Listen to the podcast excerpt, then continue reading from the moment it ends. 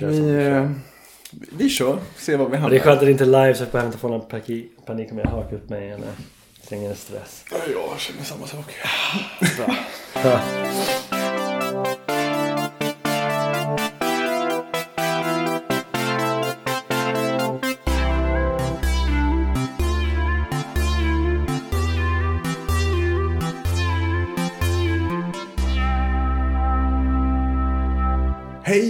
välkomna till eh, Böckerna bakom. Det här är det första avsnittet av den här podden där vi pratar med personer som kanske inspirerat oss om vad som i sin tur har inspirerat dem i, i litteraturen.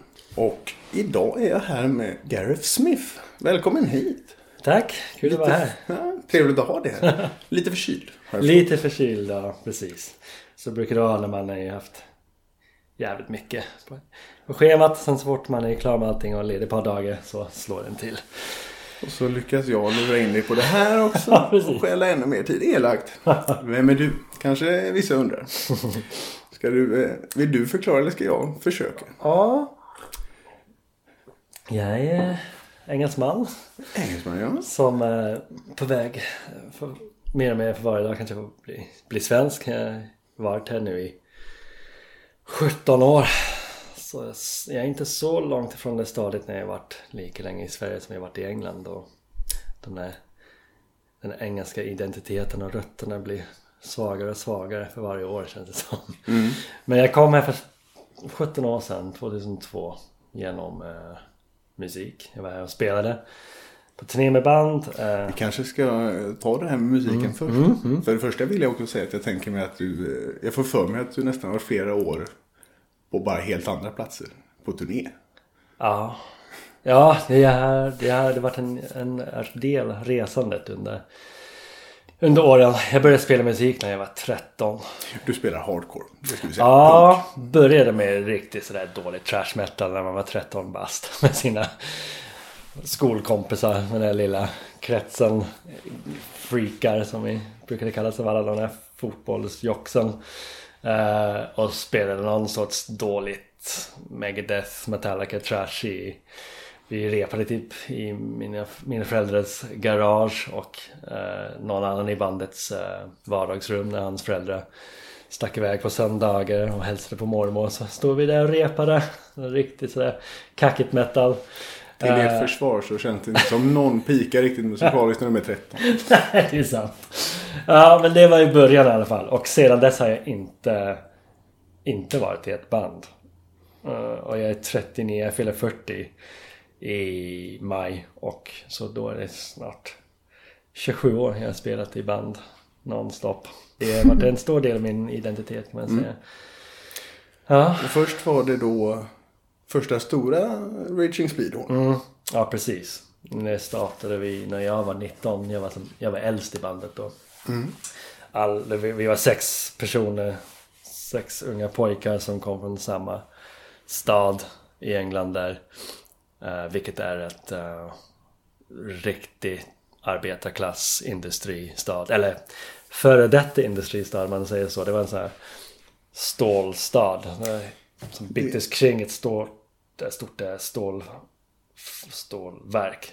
Som blev då stängd av ja, Thatcher och Och det här är. Corby. Corby, precis. Som också är Englands mest deprimerande stad. Ja, det visade sig. Har jag förstått. Ja, man ska inte skratta. Det är faktiskt ganska hemskt. Men ja, det var en, en polare som jag spelade med här nu i ett av banden som skickade en länk till mig för ett par månader sedan. Det var shit, jag hittade den där undersökningen som Independent, tidningen eller Guardian har publicerat. Och det var så här en undersökning om eh, Storbritanniens tio deppigaste städer att, att bo i. Och då eh, mycket riktigt min stad, min kära hemstad Kåby, nummer ett. Där. Eh, och jag som hade trott det hade blivit bättre i senare år. Det har till och med fått en biograf och en tågstation nu för tiden. Så det är stort. Stort steg. men, va, men när man var liten, när man var ung, alltså det, då spelade det ingen roll. Det var vilket stad som helst. Det enda vi behövde var en sån här gräsmatta där man kunde spela fotboll varje dag. Och det, ja, jag hade en skog men alltså tjuv och polis allt det där. Och det var ju ett härligt, att komma från en riktigt så här tät familj. Riktigt bra uppväxt på det sättet. Men sen när man blev 13, 14, började få intresse för musik och då blir det att man börjar samla skivor från runt omkring hela världen och man börjar upptäcka att det finns en större värld där ute utanför KBs gräns. Där som sagt på min tid fanns inte ens en tågstation där. Så om man vill åka till London så satt man på bussen i fyra timmar. Och, och sen när man var 15-16 så började man åka ändå trots allt till London på helgerna och började kolla på band och Sonic Youth och ja, allt möjligt. Man tar ner sig grunge-svängen var ju riktigt stort mm. då. Eh, och typ sov på trottoaren utanför busstationen tills första bussen skulle gå tillbaka typ sex på morgonen så och man skulle absolut inte missa slutet av uh, konserten och ta sista bussen hem så man sov där på gatan istället och det var helt men där känner jag nu att det var ju början av min eh, äventyrandet att jag alltid haft det här mycket så äventyrslust och även nu som 39-åring även och, som småbarnspappa och allt det där och Även om vi inte kör lika långa sträckor på turnéer nu för tiden. Alltså det har varit tidigare. Man har kört, det, det längsta turnén jag gjorde var tre månader tror jag. Nonstop? Nonstop. Eller det var en turné sex veckor, hade typ två dagars paus. Sen började nästa turné i fem veckor. Det var i Europa. Det var första gången vi åkte ut till Europa. På den andra turnén då, eh, i den här tre månaderssträckan. då då jag träffade min tjej här. Och så där, kom in i Sverige, typ. träffade henne och flyttade hit ett år senare.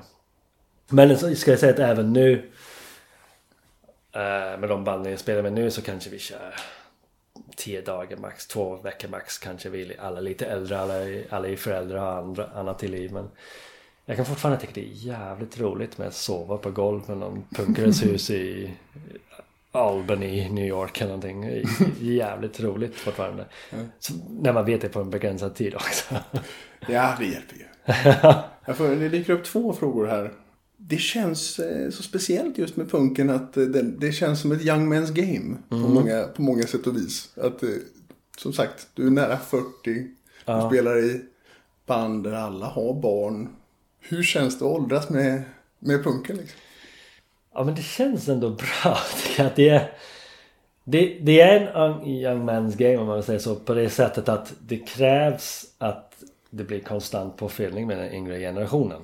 Nytt blod i scenen som har den här kraften, drivkraften och energin för att skapa nytt och hitta nya spelställen och sånt. För om det var bara upp till oss som är 40-åringar allihopa nu, vi ska inte ha energin för det längre. Det har vi gjort fast exakt det, det, det, det höll vi på mig själv när vi var 18-19. Mm. Drev klubbar och spelställen och skrev fanzines och släppte skivor och sånt. Och det blir lite naturligt att när man blir äldre, man har ju gjort sin man har givit sin bidrag till scenen. Så blir man äldre och nu är det någon annans tur att ta över manteln och fortsätta driva scenen medan vi dyker upp då och då och spelar.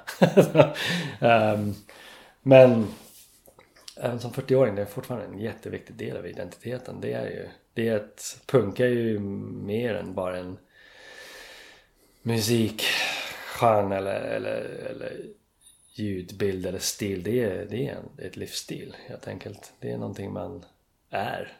Och vad är det här? För det, det har jag väldigt svårt. Jag är ganska mycket av en wannabe-punkare. Mm. Jag förstår tyvärr inte hardcore till exempel. Det, jag är väldigt dålig på att uppskatta det. Jag önskar att det var det för jag tycker det verkar vara en sån fantastisk eh, scen. Jag tycker det verkar vara så trevliga människor inblandade i det. Ja. Människor som har en Black Flag-tröja på sig. Det känns alltid som eh, en invit till att prata med dem. De är nästan alltid trevliga. Personligheten går inte ihop för mig riktigt. Men jag tycker det är fascinerande. Och vad beror det på? Har du svaret? Du har ändå följt det här ja, i 27 år. Det är som sagt det är det är mycket, mycket fina folk i den scenen och det är ju andra. Det är klart det är alltid ruttna ägg i varje, i varje scen och det finns ju det finns till exempel falanger i högerextremismen i, i punk också som kanske snarare använder punk som någon sorts plattform att nå den yngre generationen. Men, um, men det är framförallt ett en stor känsla av solidaritet och community och allt det där. Och, för det är ju mycket politik inblandat. Det är mycket fokus och brinnande och passion för sociala frågor. Att det, det är punk föddes ju som en motståndsrörelse på 70-talet i England med, från arbetarklassen. Och det, det är det som, som finns kvar och som, som äh, binder ihop folk inom scenen. Och, så det är kanske helt enkelt det är ett stort gäng vettiga människor som försöker förbättra samhället på något sätt. Mm. Göra samhället bättre. Och sen också med det här att det är fina människor och sånt men det är också att jag som mycket frustrerad och uttråkad 15-åring i Kårby där hade ingenting att göra och ville komma vidare, se världen och göra annat och, och då visste man att det fanns ju annat också för då hade man börjat få en förståelse för världen och kolla på nyheterna och se, alltså, ja, köpa skivor som sagt, böcker från runt omkring i världen och få intryck av olika kulturer och sånt. Då blev det väldigt frustrerande helt plötsligt att vara fast där. Men då är alternativen här att antingen börja supa, ta massa knark och gå ut på nattklubben på helgen och slåss som många gör. Annars är det typ bränna av energin i en replokal eller, eller, eller någon form av skapande. Och det är det som har alltid varit min, min ventil. Och mm. det är jättekul när de flesta som känner mig tycker jag är en ganska avslappnad, eh, lugn person som jag, jag är i det mesta. Men sen när de ser mig på scenen, det bara oj, vad är det här? ja, ja det... Jag också, det förvånar mig med. och det är det, det är där energin kommer ut och frustrationen. Och nu är det inte så mycket frustration, frustration eh, kvar kan man påstå. Inte som det var när man var 14. 15 som sagt. Jag är allmänt rätt nöjd med mitt liv just nu och fortfarande väldigt brinnande för de här sociala frågor och sånt. Och därav det jag jobbar med just nu och pluggar just nu och håller på med punken fortfarande. Men det är väl det bästa som hände mig när jag var 16. För det skulle kunna så lätt ha blivit det andra alternativet. Att börja gå in i det där våldsamma samhället. Som mm. den här mörka sidan av Corby, småstads England, småstads vad som helst hade att erbjuda. Och det du håller på med i övrigt, ska jag bara säga här, mm. det är sociologi. Mm. Och arbetar med... Eh, mm. Ja precis, jag pluggar sociologi, eller jag, pluggar, jag, jag pluggar så här beteendevetenskaplig kandidat. Sociologi är, ett, är huvudämnet. Uh, och så jobbar jag dessutom på ett boende för hemlösa. Ja, det har jag varit i tre år. Mm, så nästan socialt arbete och sociologi i plugget och sociala frågor i punken. Mm. det är ett kärleksämne för mig. Att jag dras verkligen till folk som som är inne på andra chansen i livet eller letar en, en, ett andra chans, en andra chans i livet. Det känns som värsta klyschan men jag, jag, jag gillar människor väldigt mycket. Och... Det är klyschor av en anledning. ja men precis. Ja. Men nu ska vi se, jag hoppar fram lite här. Nu spelar du med Victims. Victims. Sen tio år tillbaka. Ja, sedan eh, typ två veckor efter vi la ner Spiron 2008. Så mm. vi spelade med dem. Eh, och Diagnosis. Och Diagnosis Bastard som vi började för fem år sedan tror jag. Som är med Bloody Kev på sång. Eh, mina absolut bästa kompisar som från England som spelade med Speedhorn sista fyra, fem år där. Och så vi startade det bandet för att, att ha kvar en ursäkt att hänga med varandra och åka till England. Eller han skulle komma hit och... Ja, ni är uppsplittrade nu. Jag tror du har lurat hit dem men det... Nej, nej, han bor kvar där och så är vi tre stycken som bor här i Stockholm. Ah, okay. Och det är vi tre som håller på med musiken. Han bara skriker på låtarna sen. Ja, det är inte så mycket jobb för hans, för hans del. ja. Tur att han inte förstår det här. ja, men vi ska ju, eh, vi ska ju prata litteratur. Mm. Hur viktigt är det i ditt liv? Det har varit nästan lika viktigt i mitt liv som musiken. Eh, sedan sedan typ ungefär samtidigt som musik började bli riktigt stort i mitt liv också. Och det är mycket tack eh, till eh, farsan som har varit en sån där stor inspiration i mitt liv utan att medvetet vara det eller pusha mig eller tvinga mig in i någonting. Men han var så här otrolig passion för musik och skivsamlare. Och fotboll såklart. Han är trots allt engelsman. eller Wales är engelsman. Um, och även litteratur och framförallt skrivandet har jag fått av honom. Um, ja, för du skriver ju också själv. Ja, precis. Många det... strängar på lyran. ja, exakt. Och det är han också. Han, han var ju så, jobbade i posten i 30 år. Brevbärare och sen lastbilschaffis. Eh, senare. Men alltid skrev vid sidan om. Han skrev typ han var typ redaktören på programmet på det lilla lokala fotbollslaget. Deras program, matchday-program på lördagar. Uh, men skrev han, han har alltid varit skrivit massa dagböcker. Väldigt sådär målande författare. Eh, som utvecklades senare till att han började skriva böcker om musikscenen i KB och runt omkring musikscenen och det sociala och lite det sociala livet på 60-talet i England och småstads-England. Och det gjorde han vid sidan om. Han skrev på typ sina raster från posten typ. Han, som blev längre och längre för varje vecka.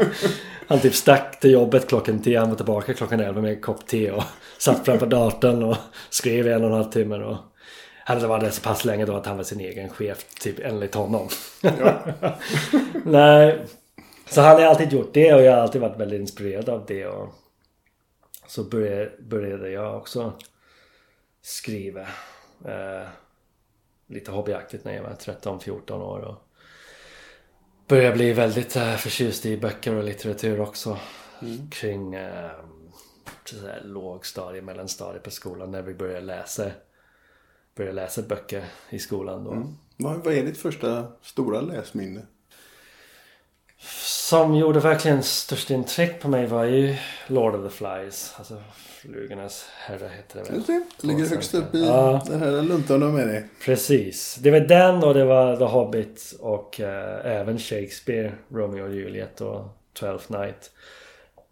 Och det var ju mest på grund av att jag blev så fångad av dem för att vi hade så här roliga lektioner när um, ehm, läraren som var en riktigt härlig skotsk kvinna. En riktigt sådär lite häxaaktigt fast väldigt charmig.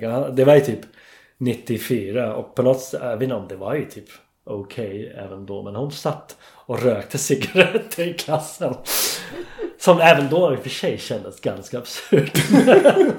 men jag var typ 60 bast och jäkligt hård kvinna men verkligen brann för litteraturen och hon verkligen överförde den här passionen just till mig. Så hon satt där och typ läste, hon hade rollen för, eh, vad säger man, berättare.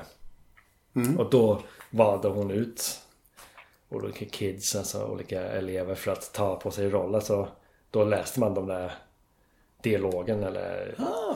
pratet från de här karaktärerna. Okay. Och då blev jag väldigt fast på eh, Lord of the Rings. Eh, jag hade typ Ralph tror jag jag läste.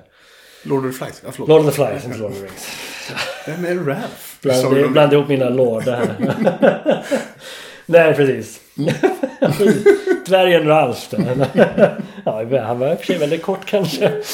Nej, men jag hade, jag hade Ralf och... Um, jag minns bara att det var den där första boken som jag verkligen blev helt fångad av. Du vet när man sitter och läser så får man så bilder i huvudet och man blir helt bara insatt i den här världen av litteratur, av storyn och försvann lite i det. Och jag minns mm. de här timmeslektionerna bara flög förbi och jag var lite tyckte det var jävligt tråkigt när det tog slut och vi skulle ta upp det nästa gång och ja det var, det var jag blev väldigt, väldigt fångad och sen så började jag förstå hur hur hur hur stark, vilken kraft eh, språk hade och ord och historia framförallt och det där makten att berätta en historia och verkligen fånga någon.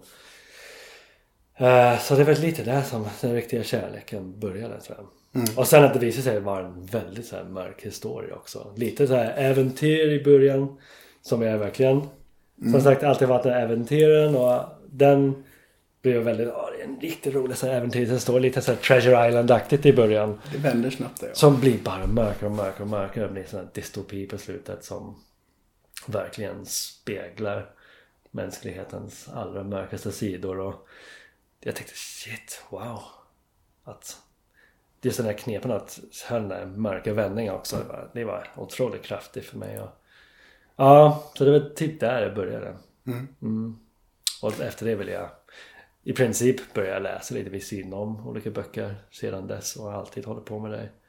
Hur ser det ut idag? Har du en lustfylld relation till eh, läsningen? Eller i din bokhylla, har du mycket böcker som du känner den här borde jag läsa och tycker det är jobbigt? Eller är det med glädje du ser de här böckerna? Nej, det är med glädje. Jag har en otroligt lång kö av böcker som väntar att läsas. Som blir ju svårare när man ha sina vardagar fyllt med studentlitteratur. Som jag för övrigt tycker jag också sjukt intressant. Jag läser, jag tycker det är, Jag är lite sådär torn därför jag vill jag vill gärna läsa mer romaner under tiden men så får man den lite dåligt samvete när man ligger där i sängen klockan 11 på kvällen och fan nu, nu tar jag fan Moby Dick i en timme för att jag kan inte läsa mer studentlitteratur just nu. Så får man dåligt samvete. Vad fan om man läser skulle man ändå kunna läsa mer studentlitteratur istället. Men sen läser ner, jag är mm. rättfärdig för mig själv men Okej, okay, men vad är skillnaden om man istället för... Det är helt... Det är helt... Det känns helt okej okay att slappna av och kolla på TV en tv-serie en timme så då var det egentligen okej okay att läsa mm. skönlitteratur en timme istället. Jag Men... Känner, jag känner igen mig själv mycket. Ja. Jag vet att när jag har studerat så är det väldigt svårt att läsa rekreationellt mm. bredvid det. För att det blir, men det är också för att jag är väldigt dålig på att eh, läsa min kurslitteratur också. Ja, okay. Bara ett moln av ångest av läsning där. Ja. Det, men jag får inte den där ångest som jag har hört många säger att när de har en bokhylla fylld av böcker som väntas att läsa och min tjej har sagt det ett par gånger till mig. Åh, jag bara tänk på det, alla de här böcker som man hör ju man gräver djupare och djupare in så här klassiska kanonen och bara shit det där måste man läsa den där och det där och det där och jag kommer aldrig hinna läsa alla de här innan jag dör. men det var, nej men ja, jag är med jag, jag blir så pepp när jag när jag vaknar på morgonen och jag har typ bokhyllan på min sida av sovrummet och mm. jag, jag, då blir jag bara peppad. Åh, de, det känns som att de väntar på mig och någon vacker dag. Ja, ja, och det, jag är alltid ganska road av att jag får inte sådär jag har aldrig riktigt så fått så mycket panik av vad som kommer sen. Det är samma, det är samma sak egentligen när man kollar på sin skivsamling som är någonstans där kring 3,5-4 tusen skivor. Och det kommer man aldrig... Om jag satt och list, Om jag tog en skiva per dag. Jag vet inte hur gammal jag skulle vara efter jag lyssnat klart genom skivsamlandet. Och sen då kommer det flera skivor varje månad. Men jag får inte panik heller. Jag, jag, jag, jag får sån att bara ha dem där med mig. Ja. Det är som att bo i en skivaffär eller bok, bokaffär. Det är underbart. Det låter ju som att du ändå har det här eh, att du läser väldigt mycket för din egen skull. Är du bra på just att eh, läsa på det sättet att jag läser det här för att jag vill läsa det, inte för att jag vill ha läst det? Nej, det är verkligen att för det första säga att man vill läsa det. Sen så klart, med alla så passioner man har finns ju utmaningar också. Det, ja, man är ju... Det är som om man är ju bergklättrare någonting. Det är klart man vill klättra Everest om man har den ambitionen. Och det kan vara samma med böcker också eller mm. med vad som helst egentligen. Så länge det är en rolig utmaning och jag skulle aldrig säga plåga mig igenom en 600 sidors roman bara för att kunna, bara för att kunna säga att man har läst den efteråt. Men när jag läser för min egen skull, i privat, då är det bara ren njutning. Och, och då försöker jag också inte bara hacka upp mig på att läsa den så jätteintellektuellt heller. Jag, jag har ingen sån där som vill säga okej, okay, jag läser den här för att kunna säga att jag läst den här efteråt. Och sen ska jag gå runt och leva upp till beviset och verkligen kunna skriva en analys eller, mm. eller sammanfatta den på, på ett vettigt sätt. Jag, jag, jag trivs som fan att bara vara där med boken in i, i nuet och bara uppleva de där känslorna som boken bidrar till. Alltså, tillåter mig att uppleva just under den bokens resa.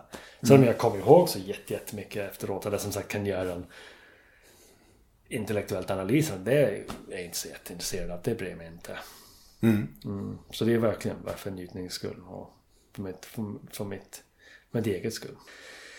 Jag har alltid varit ganska duktig med att göra det här, göra saker för min egen skull och vara nöjd med det. Skönt. Mm. Mm. Lite böcker verkar ju i alla fall ha stannat kvar med dig. Du har med en ganska bra lunta. Och jag tänker att det, det börjar bli dags att vi kommer till det. Ja, verkligen. Eh, Så det... Ja, det här är ju... Eh, folk som kanske inte har lyssnat tidigare. Eftersom att det är första avsnittet. Så kan jag ju förklara lite att eh, Gareth har då delat upp... Eh, han har tre kapitel. Där det ska klämma in eh, lite olika böcker som förklarar någonting om honom. Och det är det konceptet som vi... Jag kommer köra den här podden. Vi går väl på det första kapitlet helt enkelt. Kapitel 1 Do it yourself. Alright. Vad... Eh, Ja men do it yourself är ju typ den den v- eh, berömda etiken som finns inom punkrocken. Det här med att skit i det stora industrin, musikindustrin och göra allting själv istället. Alltså, det var som att gå så långt ifrån det här Arenarock, arena rock, Led Zeppelin, Black Sabbath, allt det maskineriet och verkligen att vem som helst kan göra det här och vi gör det själva. Eh, det kommer från så här Washington DC scenen med Minor Threat och Ian MacKay alla de här jättar som bara slog ihop sin egen skivomslag och tryckte ett tusen ex av sin 7 tum och sålde den till vänner och verkligen det här att ja men vi behöver inte det här industrimaskineriet, vi kan göra det själv. Ehm, det finns inom, inte bara i musik men i alla konstformer och absolut inom bök, boklitteraturvärlden också. Och ja, böckerna som jag tog med mig under det här kapitlet eh, handlar väldigt mycket om det. Eh, det första är eh, inte en eh, skönlitteratur eller roman men det är ehm, det är en samling av turnédagböcker som Henry Rollins gjorde på sina Black Flag turnerande. Som heter Get in the Van. Och det har varit en otroligt viktig bok för mig. Eh, uh, varit läst med glädje. Den har varit så tröstande när man har haft den som allra sämst på turné på vägen. När eh, sin allra mörkaste stunder på turné då har man plockat upp den boken och alltid kunnat trösta sig med att ja just det, Flag, Flag hade det mycket värre. Vi skulle någonsin kunna ha den. För de verkligen gjorde allting själva. De bokade sina egna turnéer och turnerande. De gjorde turnerande till, till ett livsstil och allting med bandet till ett livsstil. Det var deras liv. Så den läste jag någonstans där när jag var 1920 kanske och vi började turnera väldigt mycket med Speedhorn och mm jag gillade jättemycket Black Flag och Henry Rollins som person och hans pratshower han håller på med, hans böcker. Är lite han är lite av en multikonstnär. Ja, verkligen. Ja, så började jag läsa den här boken och det blev som en någon slags bibel för mig på turné. Jag hade den på varje turné vi gjorde. Det typ låg under min kudde eller i sovsäcken eller vad det var vi hamnade. Det var alltid med mig.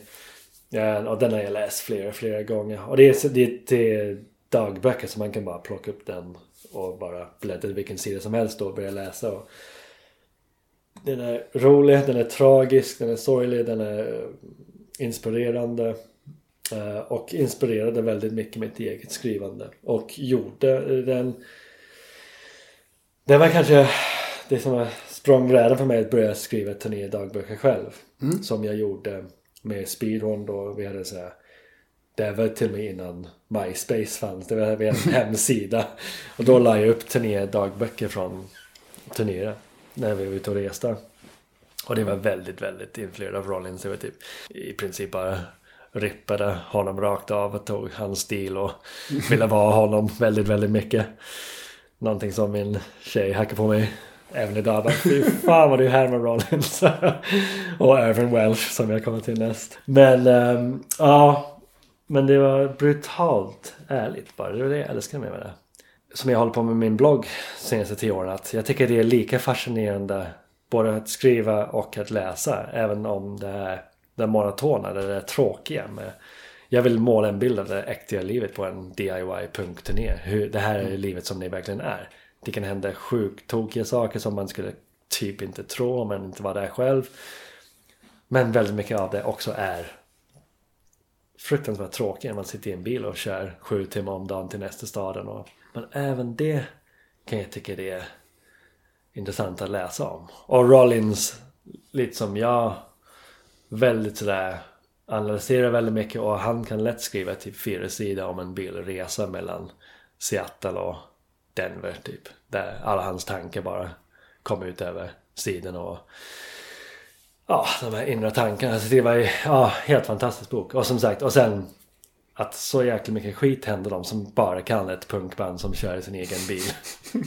Bara- ja, det var alltid uppmuntrande. För så, så dåligt som det kunde vara, som det där misär som vi kunde ha med Speedo på turné, det var aldrig på den nivån som Flag hade den. När det var väldigt deppigt så plockade upp den här boken och började läsa. bara, Ah, nu känns det bättre. Var det tufft att spela med Raging Speedhorns? Var det mycket problem där? Ja, som vi väldigt mycket skapade själva. Vi var ett otroligt bråkigt band. Som sagt sex unga killar från väldigt ruffig industristad i England. Och vi hade lite det i DNA att det var Det var inte mycket som puttrade under ytan. Det var alltid så fort det var tjafs så blev det slagsmål direkt. Bara bum bum och det var det över.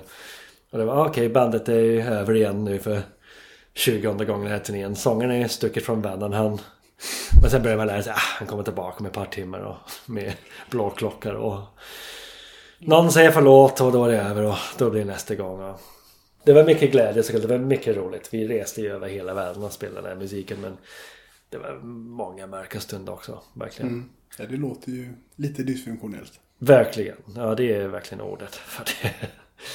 Eh, ja, Hur är det med dina nya band? Är det... Mycket mer svenskt. Jag blev helt paff första gången jag repade med Victims. Och Dagen efter så skickade Johan ut ett mail till resten av bandet bara Tack för igår, det var jättetrevligt. Jag bara, fan är det här? Jag typ visade min tjej, bara kolla på det här, det är helt sjukt. Jag tänkte lite- funderingar över repet igår och vi ska göra det här och det här. Och sen framtidsplaneringen var jäklar vad svenskt det är. Tro, trodde du att han drev med dig först? Nej. Han är ju verkligen sådär funktionell människa Johan. Men det var, det, det var så jävla kul att vara med. Bara- Man behöver inte mucka med det här och köra det här. Kall, alltså, I England är det väldigt vanligt att säga, istället för att säga hej kompis, jag bara hej din jäkla, jag vet inte om man får svära här men. Nej. Hej din jävla fitta, hur är läget? Det bara, man kan bli ganska trött på den stilen. Alltså, är fram, ja. Ja. Och jag var aldrig den som var heller den där bråkstaken. Jag var alltid jag var den som var lite äldre. Ett par år. Så. Den yngste var 16, jag var 21 typ. Mm. Eh, men det blir en stor skillnad. Men jag alltid hade en lite lugnare personlighet. Det var alltid jag som var lite pappa i bandet som fick som fick eh, laga eller bro eller vad man säger. Jag vet inte. Men det blev fruktansvärt tröttsamt att eh, lyssna och vara en del av det här lite macho, grabbig äh, Det är fucking cunt. Uh, äh, bara, ja. Kan du hjälpa mig med det här? Nej, fuck off. Jag bara, ah, okej, jag orkar inte längre med det här alltså. Ja, och, men, och sen om man klagade bara, men vad fan skämt dig fan, kan du inte ta ett skämt och sånt där? Bara, "Ah." de, och, och grejen är att de, det blir alltid till slut de hjälper. De hjälper gärna, fast man måste höra så jäkla mycket skit innan, innan man kommer till den här punkten. Bara, ja. Så det var väldigt kul tyckte jag att vara med lite med.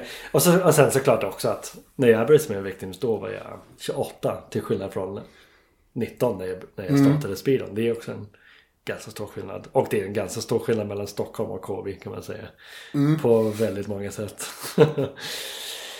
Fast jag kan tycka fortfarande såklart att det är jobbigt om det, det där är bara falskt. Jag hellre har det på Speedon sätt i så fall att det blir inte sådär snacka skit bakom allas rygg och på ytan är det väldigt trevligt och det, Nej. det kan vara, det kan vara alltså en, eh, en stor skillnad mellan Sverige och England ibland kanske.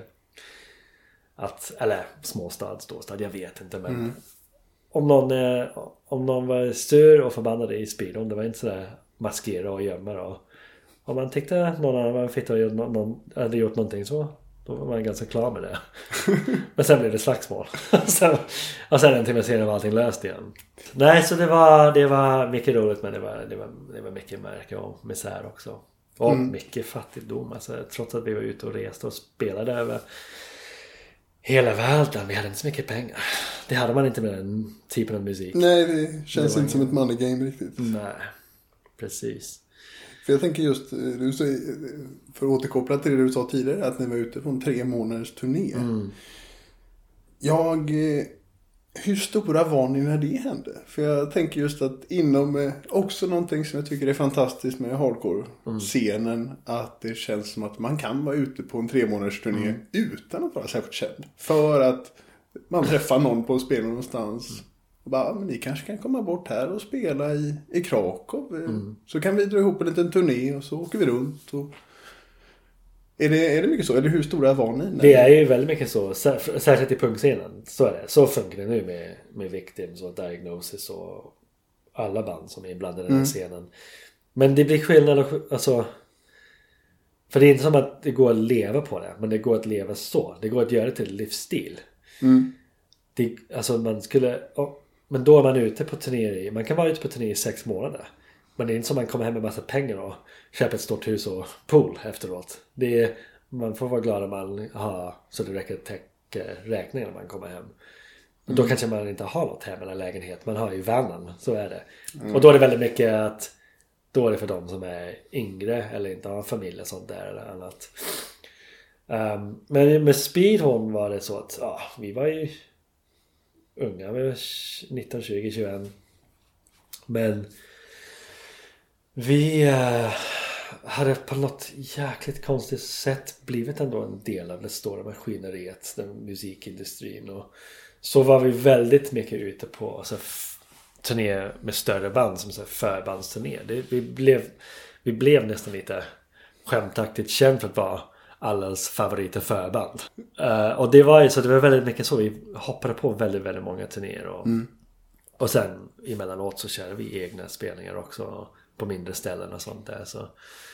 Men som sagt då hade vi, jag hade typ ett par väskor med grejer i mitt gamla pojkrum hos mamma och pappa. Och, som fungerade som, som någon sorts bas men man mer eller mindre bara levde på turnéer. Och, jag tror som i sin höjd så gjorde vi ja, över 200 spelningar på ett år någon gång. Eller någonting. Det är många. Ja, precis. Men det jag blev lite... Jag var inte alltid så tillfreds med det där. För att det blev så att det började nästan kännas som ett vanligt jobb. Att, "Åh, här... Jag kom på mig någon kväll när vi stod i typ München för tredje gången det året. Och där stod jag igen och spelade. och Jag kom på mig själv att jag stod där på scenen och började fundera på andra saker. Alltså började tänka på vardagliga grejer. Ja just det, det där måste jag komma ihåg att göra imorgon under gigget. Och då bara slog mig, vad fan är det? Vad, vad håller vi på med? Det är inte därför jag spelar musik. Eh, Ja, och sen alltid, ja, jag var alltid den som, jag var pappa i bandet fast alltid den som styrde bandet och alltid den som jag bråkade inte med de andra i bandet så mycket. Jag bråkade framförallt med skivbolaget och managern och allt det där. Att bandet skulle vara styrt på vårt eget sätt. Och jag var väldigt, väldigt skraj att komma ifrån det här punk DIY-etiken. Och ja, det känns lite det med punkerna. Och det var känsligt för mig också. Ja, nej men det är väl svårt att bli, att bli stor utan att bli, gå ifrån det lite grann. Ja, precis. Så är det verkligen. Men det, man blev bara uppsvept i det som man gör när man är 20 bast. Och det är klart det var jävligt roligt att resa överallt. Och... Men det där punken var alltid med mig. Den Hardcore-etiken, punkrock-etiken. Och jag visste alltid då. Jag var kanske alltid lite klokare än de andra. Med att jag alltid förstod att det här var bara en kort en, en kort periodsgrej. Det skulle inte hålla i, i längden och jag skulle så gott jag kunde njuta av det och ta det för det det var då. Jag visste alltid att musik skulle vara en del av mitt liv och att jag skulle alltid spela i punkband och sådär tills jag fysiskt inte kan längre.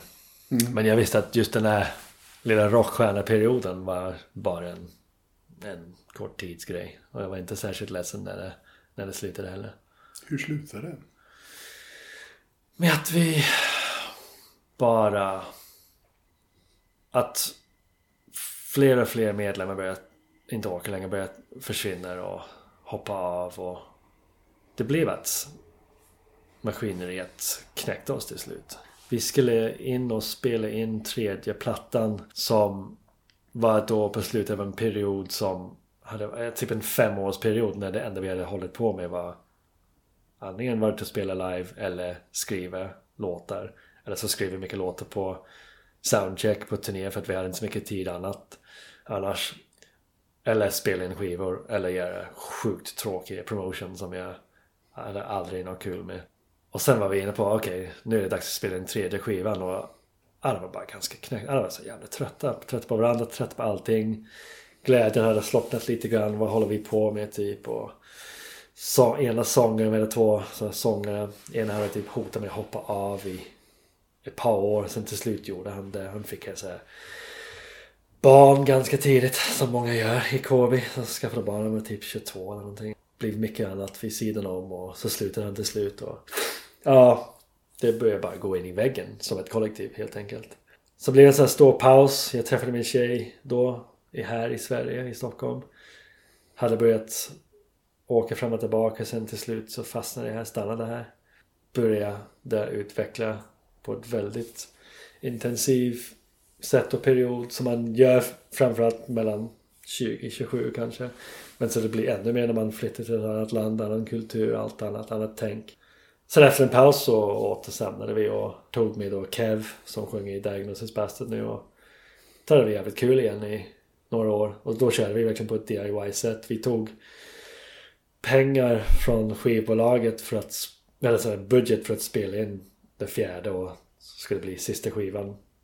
Ja det kommer med en plan, okej okay, vi ska spela, spela in här och det kommer kosta det här mycket pengar, det här mycket pengar. Sen tog vi all pengar och köpte en van istället, en bil för den. och spelade in skitbilligt istället med så här kompispris med någon. Men då tänkte vi, men då kan vi finansiera oss själva på turnéer. Så då gjorde vi det. Ja. Uh, och då hade vi jätteroligt i två, tre år när vi, vi verkligen körde på ett punksätt igen.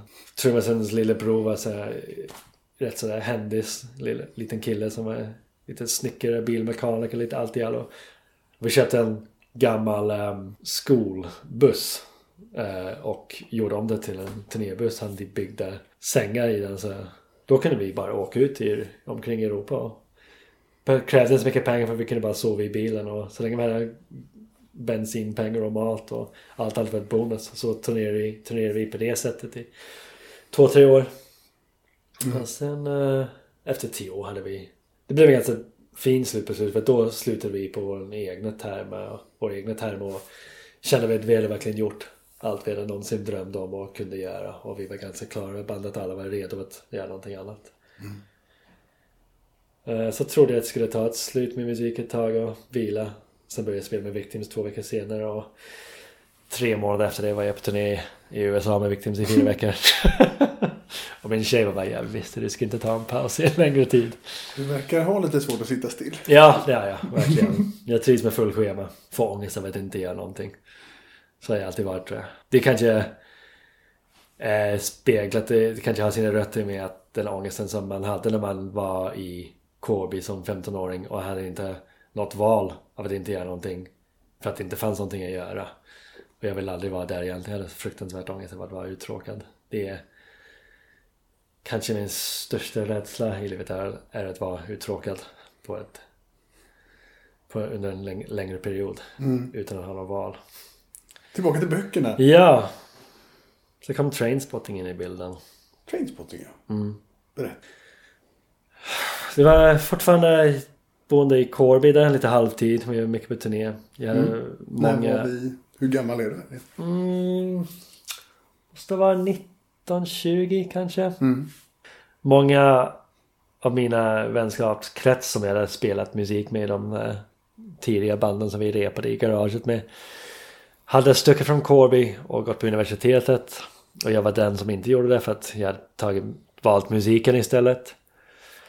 Men de kompisar som var på universitetet så började de läsa mer och mer och komma med tips om böcker och sånt. Och då var det en kompis till mig som sa du måste läsa den här boken. Det är som att läsa om livet i Corby. Och Corby är ju en liten skotsk koloni i England. För det är massinvandring från Skottland som kom där när stålverket öppnade. Eh, så den är skrivet typ på skotska, den skotska slangen. Väldigt svårt att förstå tills man kom igång med det.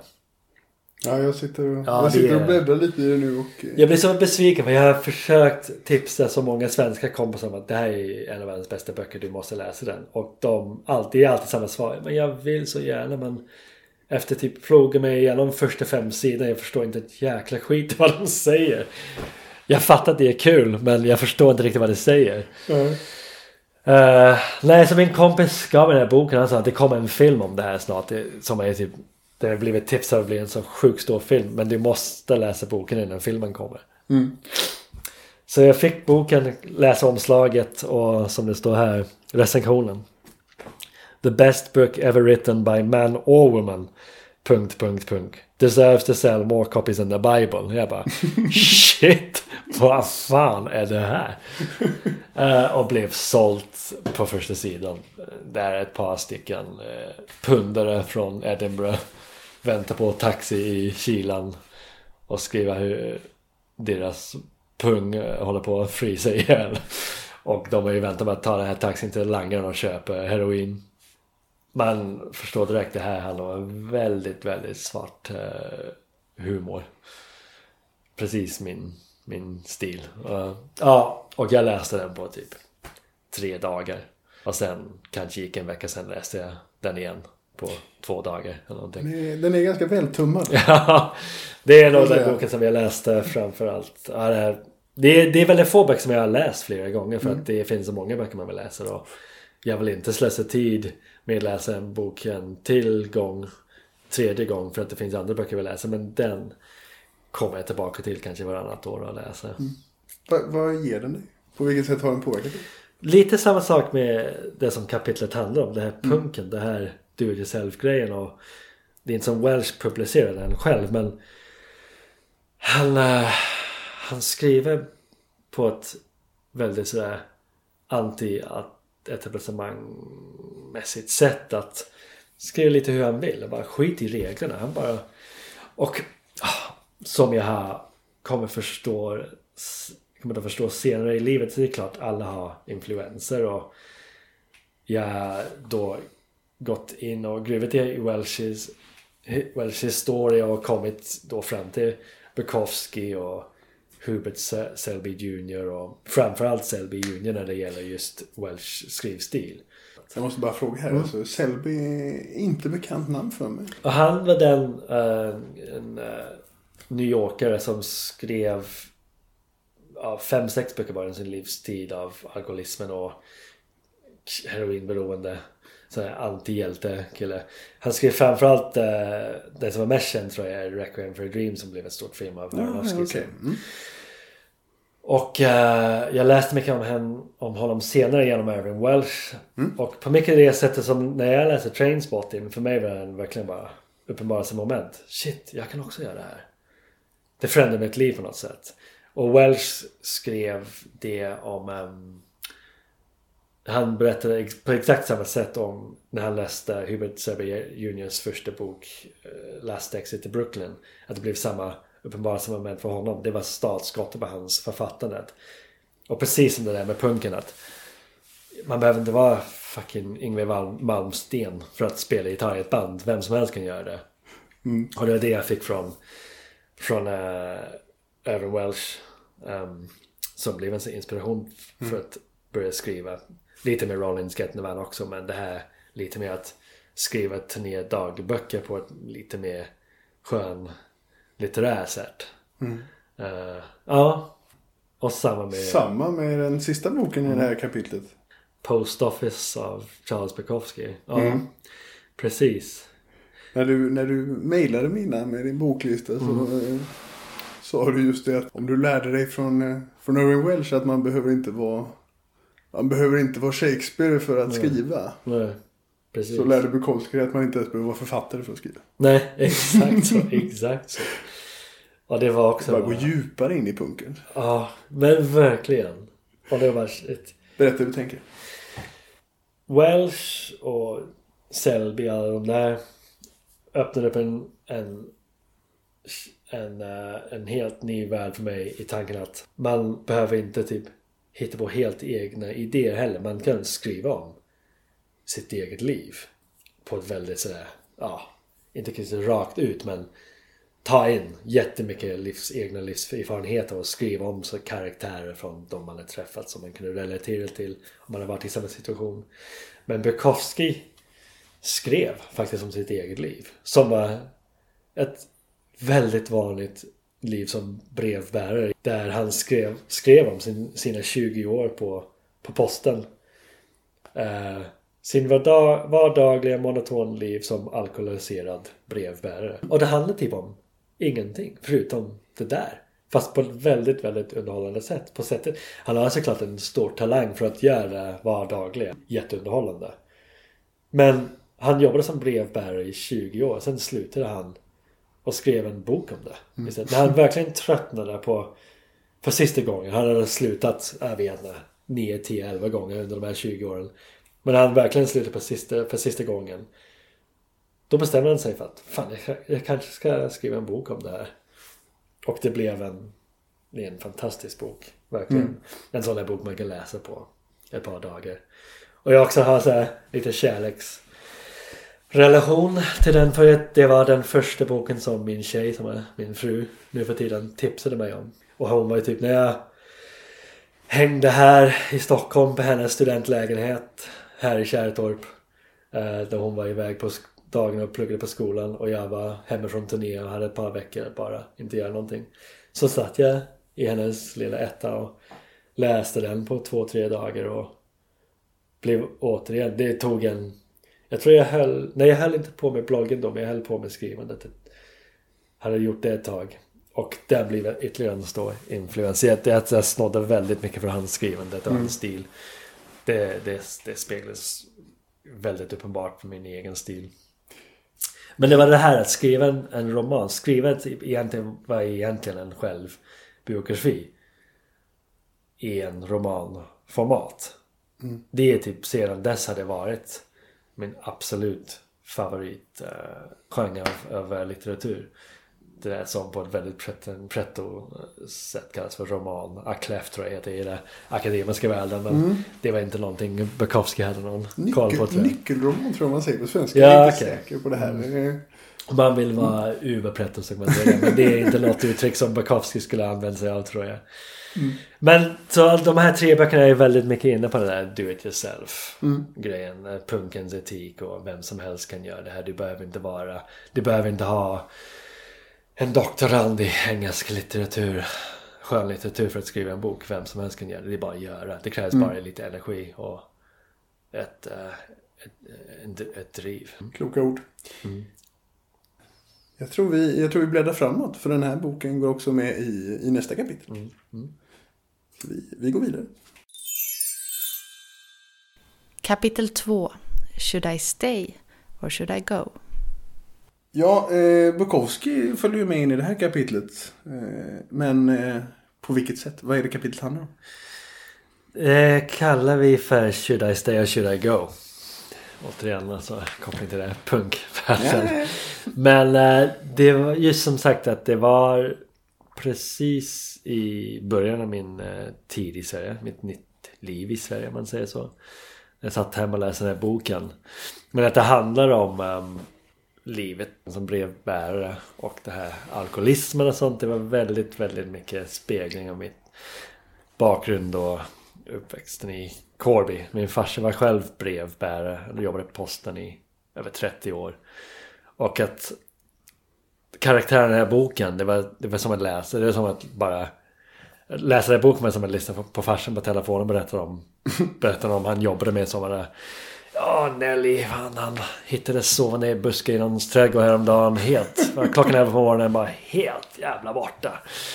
Jag bara, shit, det är som att läsa som, om farsan och hans jäkla polare på posten där. Och det är lite det här det handlar om, att det är lite det här på vägen i ett nytt liv, på väg att utveckla ifrån sin uppväxten fast rötterna alltid finns kvar. Och det är alltid någonting så här. Jag vill aldrig bo i, i England igen.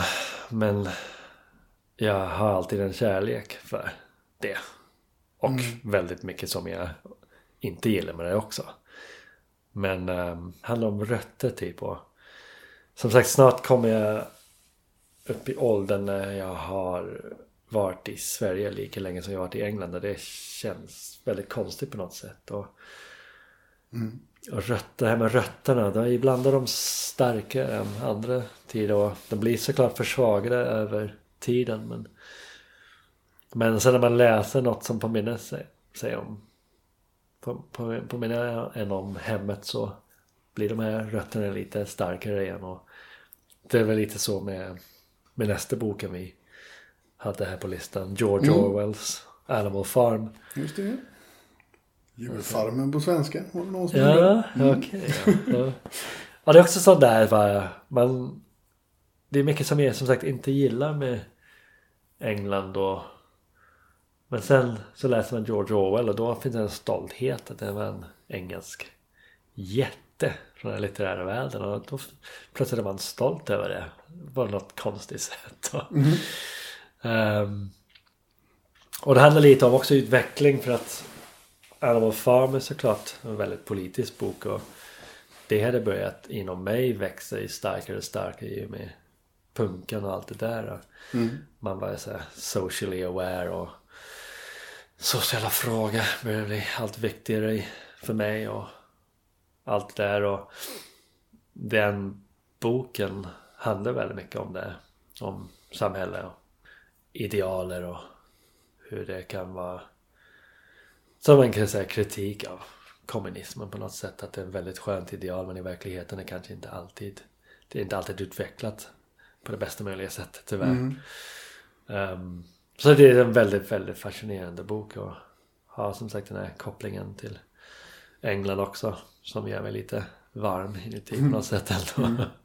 Men känner du igen dig lite i den storyn där? För där är det ju mycket det där att man blir det som man eh, går emot. Ja. Känner du, eh, kan du känna lite det med, med speedorn? Det här att man eh, kör den här do it yourself-attityden och sen så blir man lite uppslukad liksom Ja. av branschen. Det har jag aldrig tänkt på men det är en fantastisk analogi. Faktiskt för det, det var ju precis så. Man är emot det så blir man säger man uppsluken i det hela och, och sen käkar det här maskineriet upp dig och då vet man inte vem man är längre. Man har helt tappat sin självbild och det idealet man hade när man började för tio år tidigare. Eh, Så är det verkligen. Det har jag aldrig tänkt på men det är, det är prick så faktiskt. Det kanske är därför du sitter där och jag sitter här. Jag bara gissar. här. Ja. Jag har ju 30 poäng psykologi. Ja, precis. Jag med fast... ja, Ja. nej. Men eh, ja. Det är en... eh, Ja, som sagt det här med att... Well, Tjibakowski de skiter i reglerna och kör sin eget race och gör som de vill. George Orwell var på en del sätt väldigt så klassisk författare men ändå väldigt banbrytande på andra sätt också. Ja, en väldigt fin liten bok som man kan läsa på väldigt kort tid. Den var 119 sidor någonting tror jag. Det, och han var ju så här visionär på något sätt. Det är helt otroligt. Alltså när man läser 1984 nu, det är som att läsa DN om vad som händer i Nordkorea just nu och Kim Jong-Un. Det är, bara, det är otroligt. Alltså det är helt sjukt man... Ja, han var en otroligt duktig författare och väldigt politisk och det är, det är exakt det jag gillar. Ja, Den är ju den är väldigt tydlig. I, Mm. Man behöver inte tänka jättenoggrant för att förstå vad han fiskar efter. Mm. Det kan ju vara skönt, som sagt. Men eh, jag tänker, vad, vad är det mer? För vi har den här boken som jag plockar fram nu, som också är med i kapitlet här. Den, den känns ju lite tyngre. Ja, Och eh, kanske, kanske ännu tydligare i och för sig. Med vad, vad den vill säga. ja. Men det här handlar väl... Eh, kapitlet handlar ju mycket om engagemang i sociala frågor. Och eh, Ja. ja, du får berätta. Vad är det för bok? Det är Primo Levi Mm. som var en... han skrev... Han, han var en överlevare, vad säger man, över, överlevare från Auschwitz. Han var en kemist men väldigt, väldigt sociolog i, i, i hjärnan. Och han spenderade sin... Eller han var i, på Auschwitz sista året tror jag, 44 där. Han är ungefär ett år. Och han överlevde för att han var just en väldigt duktig kem- kemist och fick arbete där. Det var det som höll honom i livet. Men den här boken är hans åskådning om hans tid. Och boken är This If this is a man. If this is a man. Mm. Så det är en, det är en biografi, det är ingen roman. Så där. Mm. Det är en, det är en, men det är sån här, så här, nästan en vetenskaplig, sociologisk eh, åskådning av vad som hände där i lägret. Han åskådar den här processen av avhumanisering som nazisterna tvingade på judarna där och de andra. Men det som är fascinerande med honom är att det är inte så fyllt med hat eller något sånt där. Han, det är som det är väldigt så vetenskapligt. Han försöker hitta förklaring på det.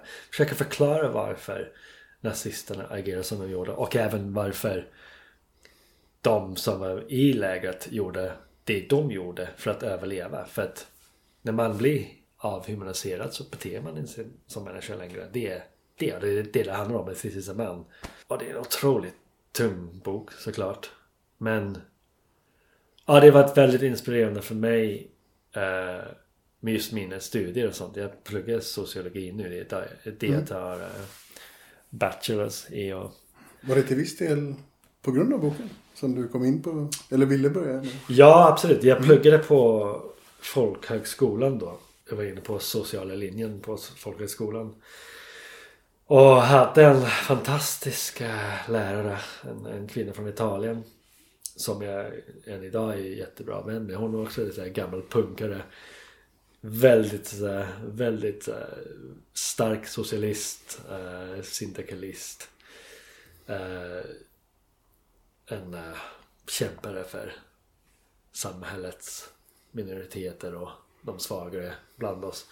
Och hon tipsade mig om det här. Hon, hon är ju så jättestolt såklart. Prima Levi vi är själva italienare. Och eh, hon tipsade mig om den här boken. Det är ju, hon visste att jag hade en så här fascination med andra världskriget. Både min farfar och morfar var ju där och krigade i andra världskriget och överlevde båda två. Och de har en helt annan upplevelse och koppling till kriget. Som ja, helt åtskild från Primo Levis upplevelse såklart. Men jag tyckte det var fascinerande med att min morfar han kunde vara väldigt så bitter över hans upplevelse av kriget och man kunde typ knappast, jag vågade knappast säga att jag hade kompisar från Tyskland som jag hade skaffat på turnéer och sånt. Jag har ju varit i Tyskland och spelat massor och har träffat otroligt fina människor därifrån. Och det är klart, det är i punkkretsen så det är väl folk som har kommit från vi, samma håll. Som vi redan avhandlat. Ja, Punkare, helt precis. Som fantastiska människor. Ja men exakt. Men min morfar kunde typ knappast acceptera att jag hade kommit från Tyskland. Bara, vad, vad menar du? Vad tror du vi, vi kämpade för? Och jag bara, men jag tror morfar att du kämpade för mycket, lika mycket deras framtid som för min framtid. Men han hade, han hade väldigt, väldigt svårt med det där. Och det som jag tyckte var fascinerande med Levet, han som sagt han skrev på ett vetenskapligt sätt men han skrev det på alltså ett, ett rationellt sätt. Han ville förstå vad som hände. Och han förstod också själv att om han gav sig in till så vrede, som man säger i Star Wars, den mörka sidan, skulle han bara förstöra sig själv. Men det är ju en väldigt tragisk historia för att han ändå trots det kämpade med det där hela livet. Och han skrev en hel rad fina böcker efteråt. Han skrev en trilogi om, det kallas för Auschwitz-trilogin. Men kämpade med det där hela livet och sen till slut så tog sig sitt eget liv på 80-talet. Men som en gammal gubbe. Som orkar inte leva med det här hemska. Men det blir verkligen startskottet på mitt intresse i sociologi. Tack vare det här tipset jag fick från min fantastiska lärare där. Som ledde mig till att läsa många andra av Primo Levis böcker och många andra liknande böcker också. Det känns eh, lite som ett återkommande tema i ditt liv att ha den här medlande rollen. Att du omger dig med personer som ganska mycket kräver någon person i mitten. Till exempel då med Speedhorn. Att det var du som fick ha den här papparollen. Att vara den som eh, försöker förklara kanske de olika sidorna. Med din morfar. Att eh, Känner du, kan det vara någonting du fick med dig också från din, eh, din uppväxt? Just att det var väldigt, att du kände att du hamnade i, en, eh, i den typen av roll. Där du försökte få ihop saker medan andra kanske var lite mer på, på egna olika kanter. Ja, det tror jag nog. Det är nog därför att det är en sån stor del av min personlighet. Jag har alltid varit alltså När jag var ung och min lilla syrra bara rasade ner i huset och bara hon var en sån kaosig sexåring så satt jag där åtta år och i mitt hörn och reflekterade över allting. Varför hon höll på som hon gjorde. Och sånt där. Jag har alltid varit sådär väldigt sådär reflekterande människa och analyserande. Ja, analyserande. Mm. Uh, och alltid varit sådär, väldigt intresserad av samhället och hur människor fungerar i samhället och den här interaktionen mellan människor och hur samhället är byggt och allt det där och varför vi gör vad vi gör. Utan att egentligen kanske inte riktigt alltid förstått att jag var så eller var en sån eller tills typ Levi och sådana här sociologiska jätter kom in i bilden och det var det nästan då att som 36 bast när jag äntligen bestod mig äh, beslöt att jag ska gå tillbaka till utbildningen. Jag bara ah shit. Det var som att jag förstod också så här uppenbarelsemoment igen. Bara, det här, det är klart, det är det här jag vill göra. Det är här jag vill jobba med sen och det är här jag vill det, det här är ju vuxit fram under 30 år utan att jag egentligen fattat det. Men... Men känner du att det är en utveckling av punken? Att om punken är de råa känslorna om någonstans rättvisa så blir det samtidigt att det är, man är inne i en liten echo chamber. Du bara pratar med andra människor som håller med. Men att man kanske inte gör så mycket skillnad på människor utanför gruppen. Och att sociologin har blivit en, eh, någonting att komma vidare med de frågorna och faktiskt eh, göra skillnad på människor utanför den gruppen. Ja men precis så. Um, för som du säger, det är, det är väldigt mycket så här preaching to the choir med punken på något sätt. Den hade ju stora ambitioner i början där på 70-talet och med Sex Pistols och sen kom Crass och det var mycket anarkismen och vi ska förändra världen men så småningom blir det så att alla måste ändå ha med sig den rätta uniformen i punken och vara ändå väldigt konformativt inom just det där. Och de kämpar om, pratar, vi sjunger om väldigt sådär vettiga, bra saker men Exakt så med sociologin att det är första gången i mitt liv som jag förstår att fan det finns ju en sån vetenskap här också att man kanske kan använda det här och ta ett steg längre och försöka faktiskt göra någonting åt det, de här problemen och eller i alla fall bidra och hjälpa till utifrån en sån här kunskapsbas man skaffar om det. Och det tror jag verkligen. Det, och det, det finns ju med mig när jag, när jag jobbar med hemlösa och sånt där. Att jag har det här i bakgrunden och någon sats, någon, ja precis. Det har varit en sån här proaktiv utveckling att gå in i det mer sociologiska. Mm. Där kommer även den kapitlets sista bok in lite mm. kanske. Just att förstå människor i en utsatt situation. Mm. The Belliar. Ja. Av Sylvia Plath. Ja, det var en otroligt kraftig bok. Det är, jag läste den för första gången när jag var på sommarlov i fjol. Där jag var sjukt trött att läsa studentlitteratur och hade förmågan att bara läsa så många klassiska eller kultromaner jag kunde hinna med i tre månader. Och Belgia är en av de böckerna som har varit med i massa olika så reading lists under åren som jag håller lite koll på.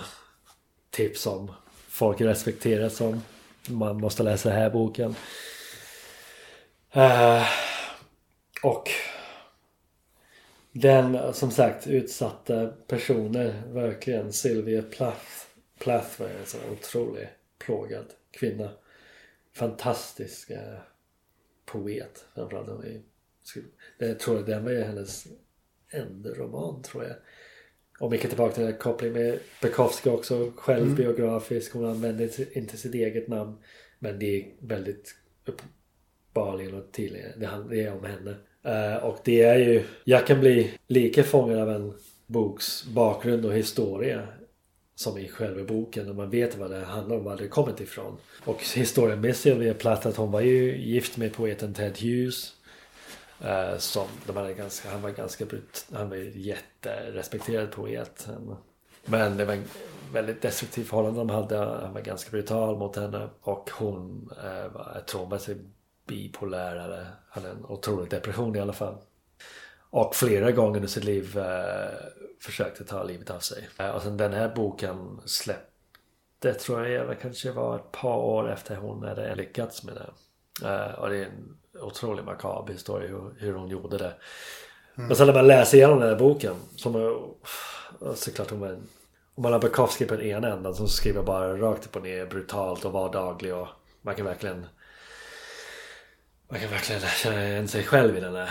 Då är hon, hon är ju väldigt akademisk och skriver på en fantastiskt vackert sätt om en otroligt mörk ämne. Och hela boken egentligen är en väldigt lång självmordsbrev.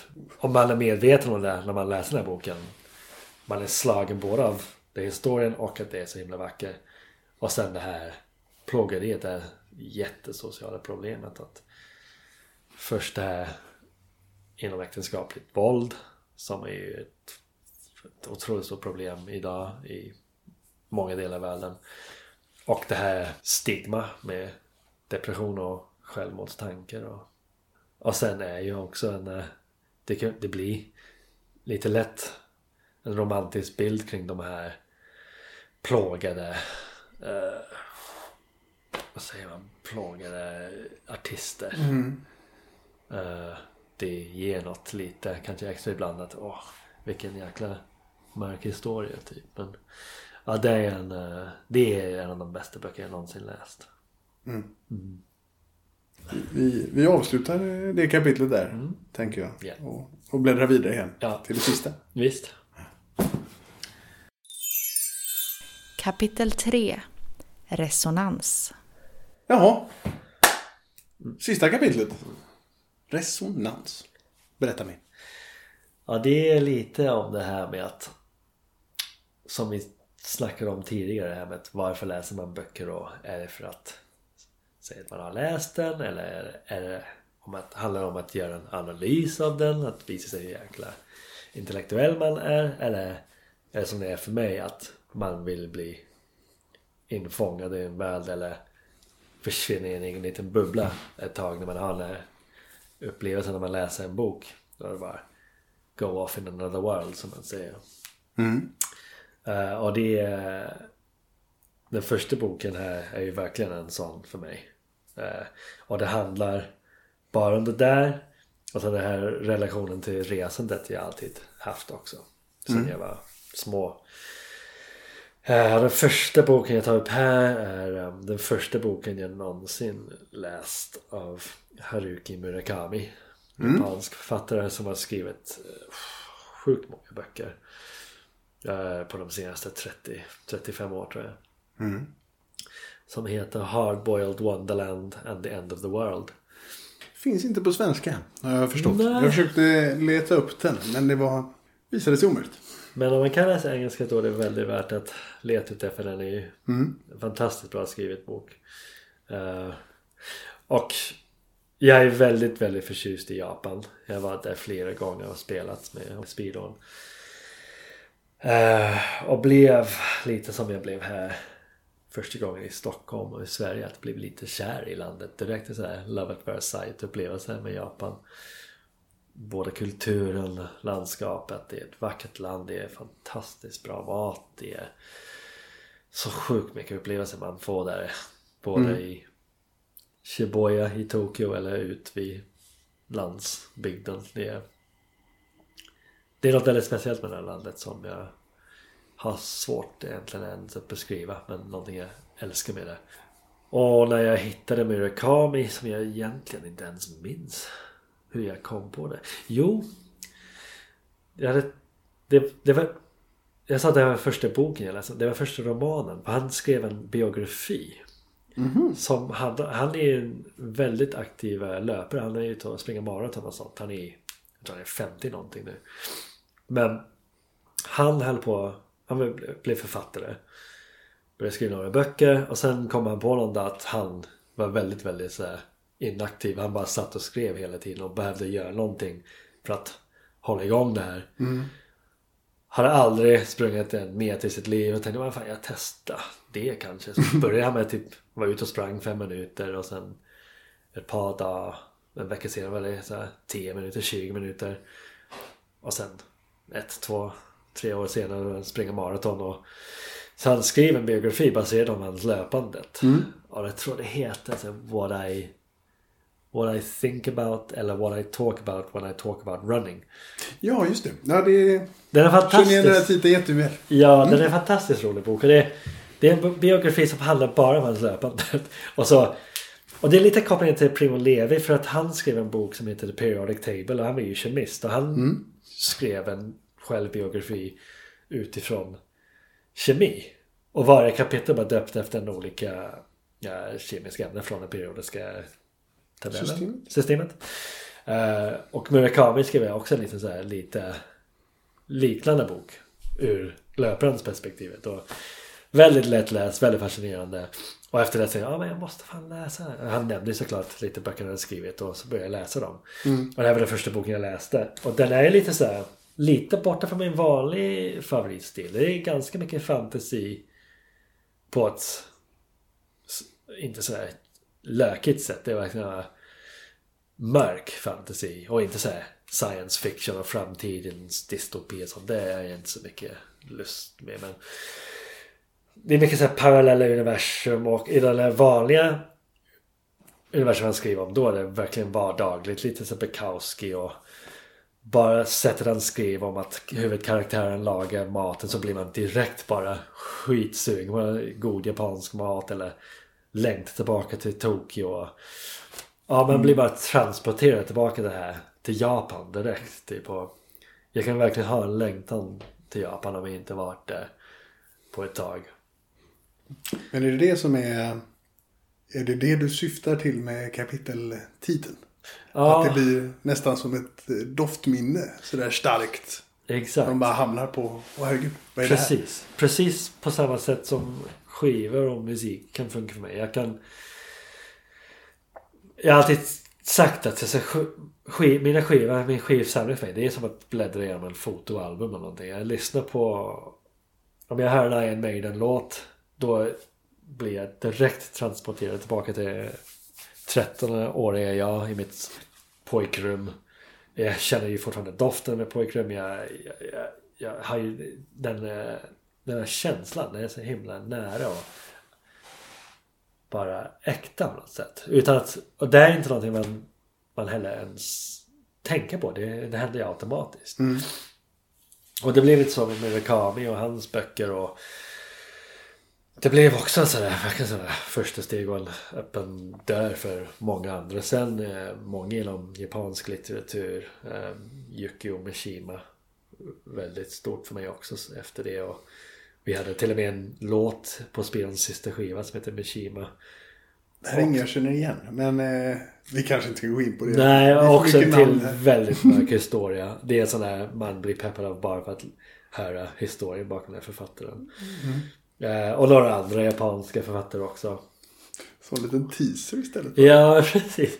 Man är väl alltså en av Murakamis största influenser var ju Kafka också. Jag hittade Kafka genom Murakami. Han hade en jättekänd bok som heter Kafka på stranden. Just det. Murakami.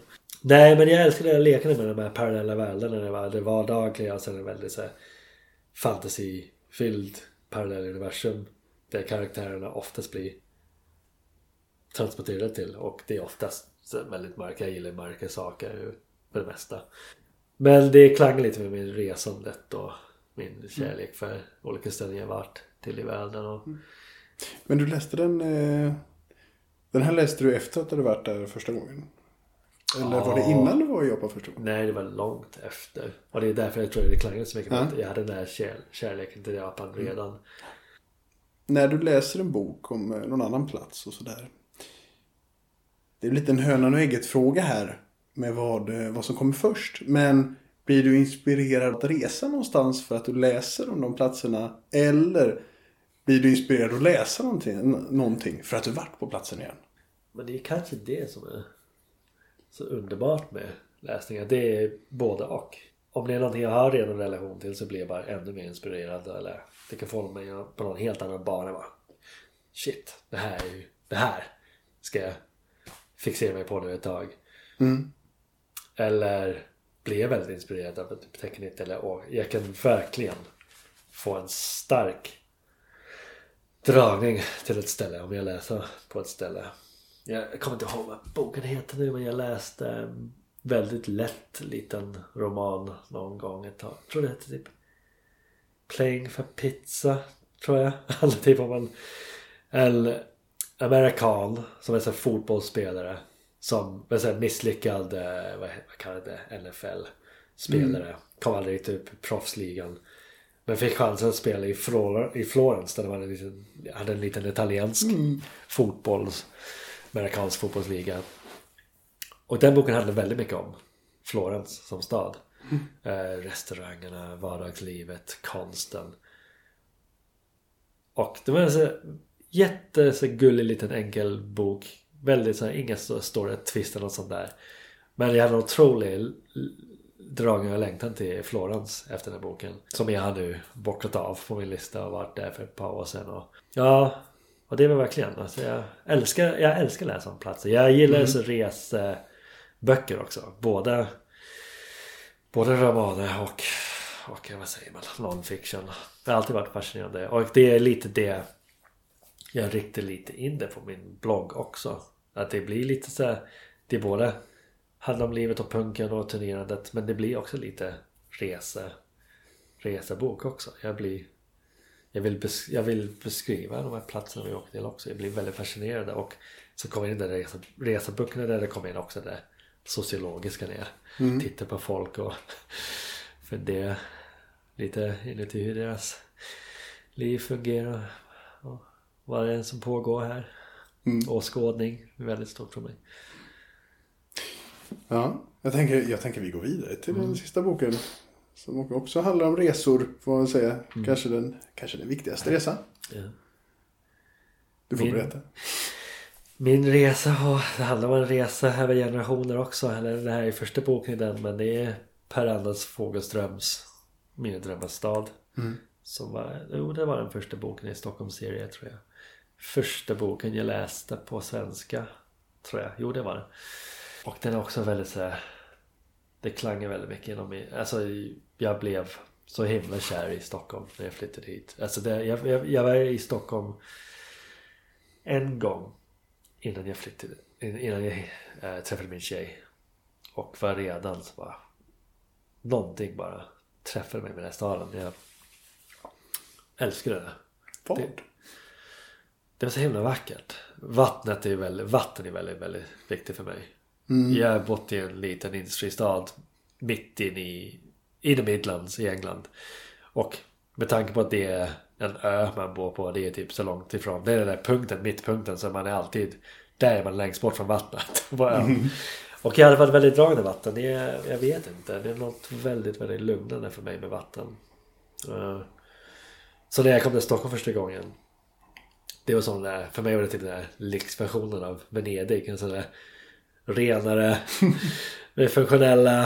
Eh, kanske, ja, maten. Lagom mycket vatten. Ja men precis. Uh, ja, nej så jag, jag blev väldigt dragen till, till, Stockholm direkt. Och så träffade jag min tjej andra gången jag var här. Och när vi blev så ganska tokkära i varandra ganska fort. Så var det ganska lätt beslut för mig att flytta hit. Då. Och sen uh, började lära, lära mig språket och läsa litteratur. Det var också en sån där tips man fick av flera. Du måste, om du, om du är jätteintresserad av Stockholm eh, måste du läsa den här boken. För den är såklart i sin, i sin sätt i, i Stockholm. Men det handlar inte bara om Stockholm, det handlar om arbetarklassen och en familjens resa. Och det också påminner mig väldigt mycket om min egen bakgrund. Arbetarklassen, alltså farfar var en sån här gruv gruvarbetare i Wales och väldigt mycket i huvudkaraktären i den här boken i alla fall, Henning. Alltså påminner mig om min egen farfar och det som min farsa själv ärvt av honom. Hans egen far och lite återigen den där längtan och, inte längtan ska jag säga men det här, det här hatkärlek man har med sin röt, sina rötter i England och arbetarklassen. Mm. Som jag tror är nog att många från den världen upplever kanske. Hatkärleken. Mm. Um, och väldigt fint att läsa en bok som handlar om en stad. Som är väldigt vackert beskrivet. Man får en sån här, också som Murakami, man får en här fantastiskt målande bild av hamnen där, Skeppsbron, allt det där och man känner igen så mycket av det man läser. Och det var en riktigt fantastisk upplevelse att läsa den här boken medan jag själv satt i den här staden och läste Mm. den. Och det var typ under den här tiden jag upp, upp, min stora upptäckningstid i Stockholm. Jag upptäckte mer och mer och mer och kände igen mer och mer från den här boken jag läste. Och den täcker ju allting men det är också den sociala frågan också. Mm. Sprit missbruket som var landsomfattande i Sverige då. Det är en jätte, jätteunik folder med alkohol som Sverige har. Och det hade jag ingen aning om tills jag läste den här boken men den är ju också Alkohol är ju alltid haft en stor plats i min hemstad. Mm. Ja. Och eh, ja, man känner igen så mycket av det i det personliga, i det geografiska, i det sociala. Var det lite, känner du lite att... Eh, det här kommer låta dumt, känner jag nu, men jag tror ändå. Kände du lite som att det här hade varit din bakgrund om du var härifrån? Lite, liksom att om, om du flyttar över din historia ifrån England till eh, att vara uppvuxen i Stockholm.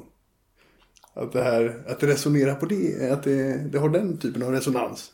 Eller Ja, att det blir liksom, om jag hade varit härifrån så hade det här kanske varit min story och jag var den personen. jag verkligen älskar att du kör det här psykoanalytiska med mig för det, det drar upp så många bra saker som jag inte kanske alltid förknippat till det själv och det är jätteroligt verkligen. Och det är ju nog så. För att när, man, när jag kom hit England och Sverige de är inte så långt ifrån varandra på många sätt. Inte geografiskt, inte kulturellt heller kanske. Tills man verkligen kommer in i landet. Och börjar förstå att det är ju faktiskt en, då en kulturell skillnad. Så man känner sig i vissa sammanhang verkligen som en främling, som en alien här. Inte alltid men då och då. Eh, och sen så när jag kanske läste den här boken så det kanske var det att det var att jag förstod att det kanske inte var så långt ifrån min egen historia heller. Att det är kanske mycket närmare man trodde. Eh, Och alltså, alltså, för det är väldigt lätt att känna sig det är svårt att sätta ord på det. Men när man kommer hit till Stockholm och man har bara den här kretsen man har genom min tjej då. och Hennes krets och kompisar och lär känna mig en hel bunt fantastiska människor som har blivit väldigt nära kompisar till mig. Till, fortfarande idag och de nära mitt liv. Men man hamnar på sådana här sociala ja, vad säger man, sammanhang med främlingar som man träffar bara en gång och det blir alltid det här. Ja men vem är du och var kommer du ifrån? Du är från England och lite det. Åh, att man skäms lite att man är avvikare på något sätt. Att man inte Platser där man inte tillhör. Och då var det väldigt mycket så när jag lärde mig svenska då försökte jag verkligen dölja min dialekt. Jag vill inte, jag vill inte avslöja att jag var engelsman i början.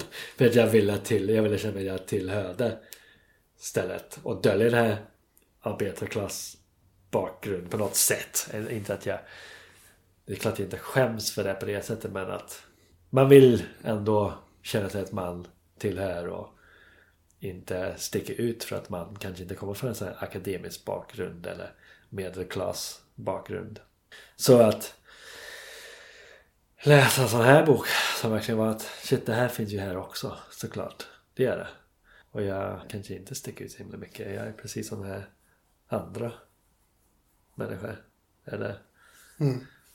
Och så kommer jag istället en sån här stolthet i att vara den, det man är. Det är, det, det är som att kanske sväva iväg lite grann men det är väl samma här med mu- musiken. Det här att vara rädd att sticka ut och avslöja så att man inte tillhör. Och, Särskilt när det är speedhorn och de börjar spela med större band och så dyker vi upp med sex unga arbetarklasspojkar. Och vill inte ta så mycket, bara lite blyga och sånt och framför de här stora banden och tills man börjar förstå att fan, de är precis som oss alltså. De är ju också kommer från arbetarklassen eller helt vanliga människor precis som vi är. De håller på med det här också. Typ. Eh, ja, jag vet inte vad det har med saken göra egentligen men det är mycket med identiteten. Och, Nej, jag tycker det, Ja. jag tycker det håller. Du, håller ihop det. ja. ja. Men det kanske, vi kanske sätter punkt där. Ja. Då eh, vill jag gärna passa på att uppmuntra er som lyssnar. Att eh, nu, nu har ni fått veta lite om vad Gareth här tycker om att läsa. Är det någonting ni tycker att han borde läsa så eh, får ni gärna skicka ett litet mail eh, till mig då kanske på bockerna bakom gmail.com Eller till Gareth direkt. Ja. Eller så finns vi på Facebook och heter böckerna bakom där med. Ta gärna emot. Läslista är ju alltid det roligaste. Lästips och musiktips. Det är...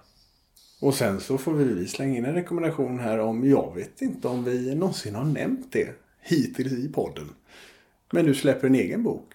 Nu Ja, i, I år va? Ja, Som då grundar sig mycket på ditt skrivande på bloggen eh, Punk and Coffee. precis. Exakt. Ja, vi hoppas släppa den i november. Och den är baserad först och främst på bloggen.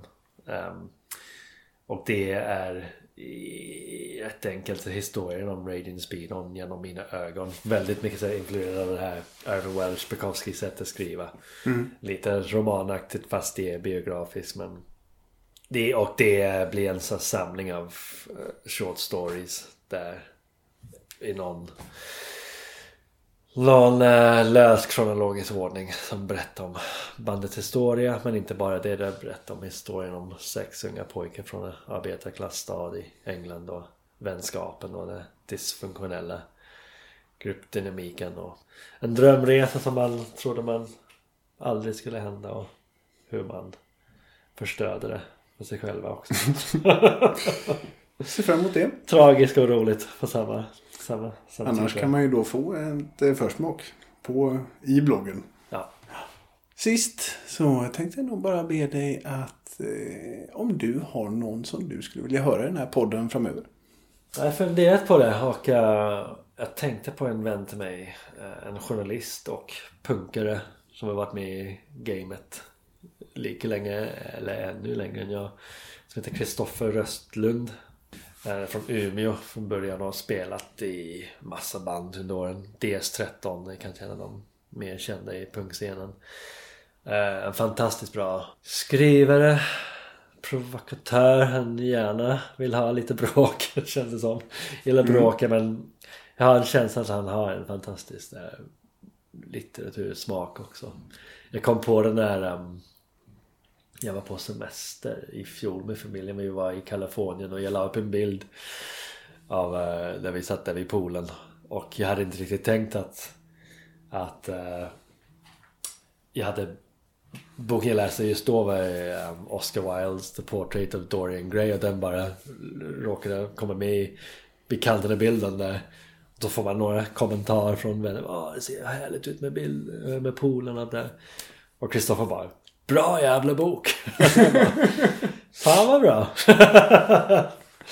Eh, ja, så. Ja, Kristoffer ska jag gärna höra hur hans resa gått med böcker och skrivandet och punken. Ja, om du hör det här Kristoffer, hör av dig. Samma mejladress som mina.